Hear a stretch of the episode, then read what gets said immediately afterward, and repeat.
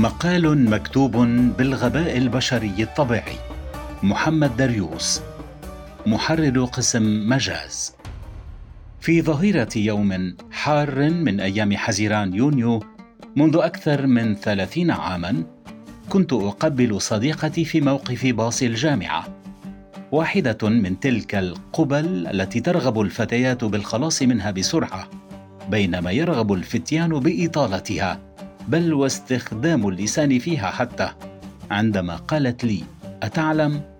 هناك سبعة أنواع من السلاحف البحرية في العالم وربما تكون أنت النوع الثامن.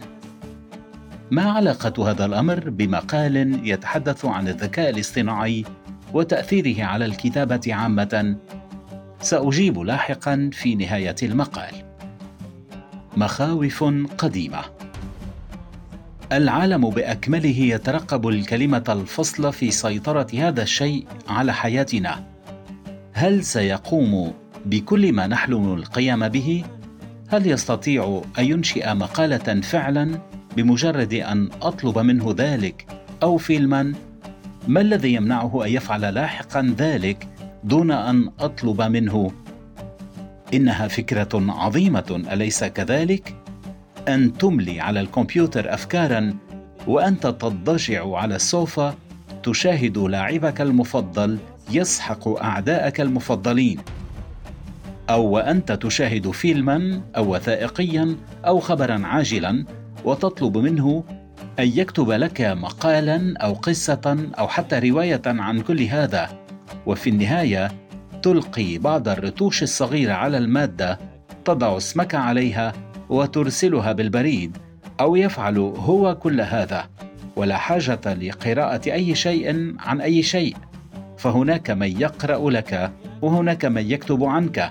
وكل ما عليك فعله هو اختيار المجال الذي تود الاستثمار فيه. بل ربما سيكون بإمكانك أن تطلب منه تغيير هزائمك الكروية لانتصارات دائمة.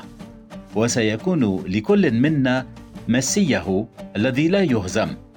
حتى إني فكرت أسجل هنا أن هذه فكرتي الخاصة ويمنع استخدامها لاحقا بدون موافقتي.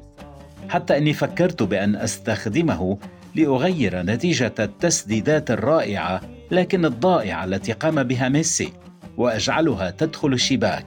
في فيديو أظن أنه سيحقق مشاهدات هائلة. ذكاء غبي. عالم الصحافة المبني على نماذج الذكاء الاصطناعي مصنوع من مجموع رغباتنا ومجموع السياق الكلامي الخاص بنا في كل ما ندونه على الإنترنت من كتابات وتعليقات ورسائل. ويقال إنك إذا كنت فاعلا على الإنترنت أو قمت بكتابة أي شيء فسوف يدخل بطريقة ما حسب سياقه أي حسب التنبؤ الإلكتروني لسياق الجملة سيدخل في كتابة أي شيء يقوم به الذكاء هذا.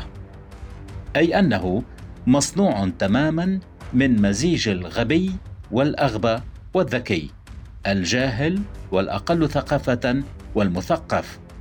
هو محصلة رياضية لتفاعل الإنسان مع النصوص التي ينشئها على النت. أي شيء وكل شيء سيساهم بطريقة ما أي أنه يدرس أيضا حماقاتك اللغوية. أخطاءك بالتذكير والتأنيث. نسيانك ألف التفرقة أو واو الجماعة. إن وأن وحتى مختلف عليها. ويقوم باستبعادها أو قبولها على مبدأ الأكثرية. فإذا كتب شخصان أحب الفساطين المزركشة. وكتب شخص واحد أحب الفساتين المزركشة. سيختار الجملة الأولى في سياقه الذي يصنعه أي أننا مجددا وأكثر من كل مرة تحت سيطرة الأغبياء قليلي المعرفة أنصاف الموهوبين حتى في العمل الذي يتطلب ذكاء أكثر من غيره أو جهدا بحصيا. والانكى من ذلك أنه يسمى ذكاء اصطناعيا رغم أنه مصنوع من مادة الغباء البشري العام. إذ لا نحتاج لإحصائيات لنعرف أن الأغبياء في العالم أكثر عددا. وهذا الأمر لا نحتاج طويلا لنراه، في الحقيقة هو يحصل منذ سنوات، إذ صرحت العديد من الصحف أنها تقوم باستخدامه منذ زمن ومنها الأسوشيتد بريس على سبيل المثال. وبعض الصحف نشرت مدونة أخلاقية تلتزم بالإشارة إلى أن بعض المواد تمت كتابتها باستخدام بعض تطبيقات الذكاء هذا والبعض لا يصرح وأغلب المواقع الكبرى والصحافة العالمية تستخدم بعض منتجاته للبحث عن العناوين الأشد إثارة وتفاضل بين مفردات بعينها لتستخدم الأنسب. وهذا يضيق اللغة نفسها إذ سنكون مجبرين على استخدام كلمات بعينها واستبعاد أخرى. وهذا ما يحصل حاليا عبر ما يسمى بالترند. تخيل أن العالم بأكمله.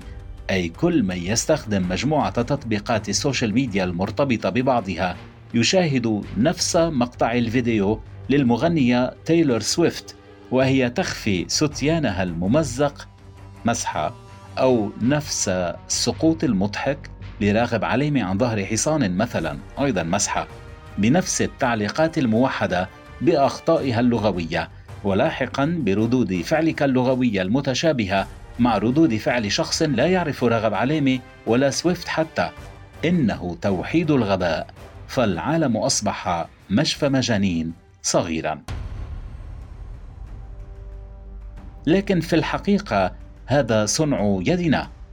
سنين وعقود ونحن نبحث عن الأذكياء والأكفاء. ندربهم ونوظفهم ونشاركهم الأفكار لنتوصل إلى النتيجة المثالية.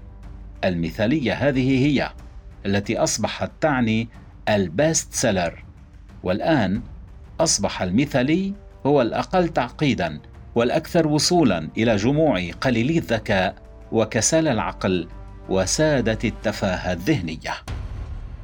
صناعة الإباحية. واحدة من أكثر الصناعات ربحية هي وتنمو باضطراد رهيب.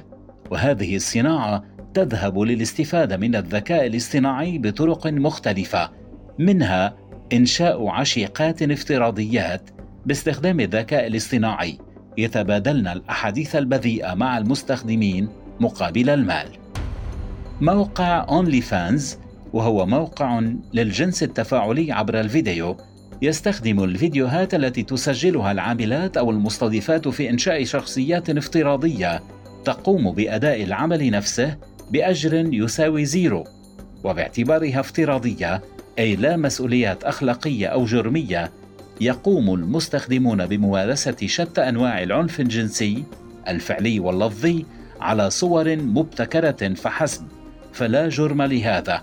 وهكذا يعتاد الشبان على إرضاء رغباتهم بسرعة بغض النظر عن رغبة الآخر فلا يوجد آخر حقيقي هنا إذا كم من المرضى النفسيين والقتلة المتسلسلين والمغتصبين العنيفين يقوم هذا الموقع بمفرده بخلقهم يوميا وبتدريبهم على الجريمة. في معرض سعينا نحو المثالية في العمل فقدنا الجانب الأهم في عملية الإنتاج، سواء كان الإنتاج ماديا أم فكريا، الجانب الإنساني. لنفكر في الرواية المثالية أو الفيلم المثالي. المثالية تعني هنا تطابق المادة المقدمة أو المحتوى المقدم مع رغباتنا مطابقة تامة الشخصيات الخيرة مطابقة لوجهة نظرنا بالخير والشريرة كذلك المشهد الطبيعي هو ما نحب أو نكره حسب السياق. كم مرة نستطيع أن نستمتع بفيلم مثالي أو رواية مثالية كهذه؟ مرة أظن أو مرتين على الأكثر. لاحقا سنبحث عن مثالي مختلف وهذا المثالي المختلف لم يعد مثاليا أي أنه لم يعد يطابق رغباتنا بل ربما يعمل عكسها لتكون متعتنا أكبر. وبالتالي سيكون علينا أن نتدخل كل مرة لمخالفة توقعاتنا عن المنتج لنكتسب متعة جديدة.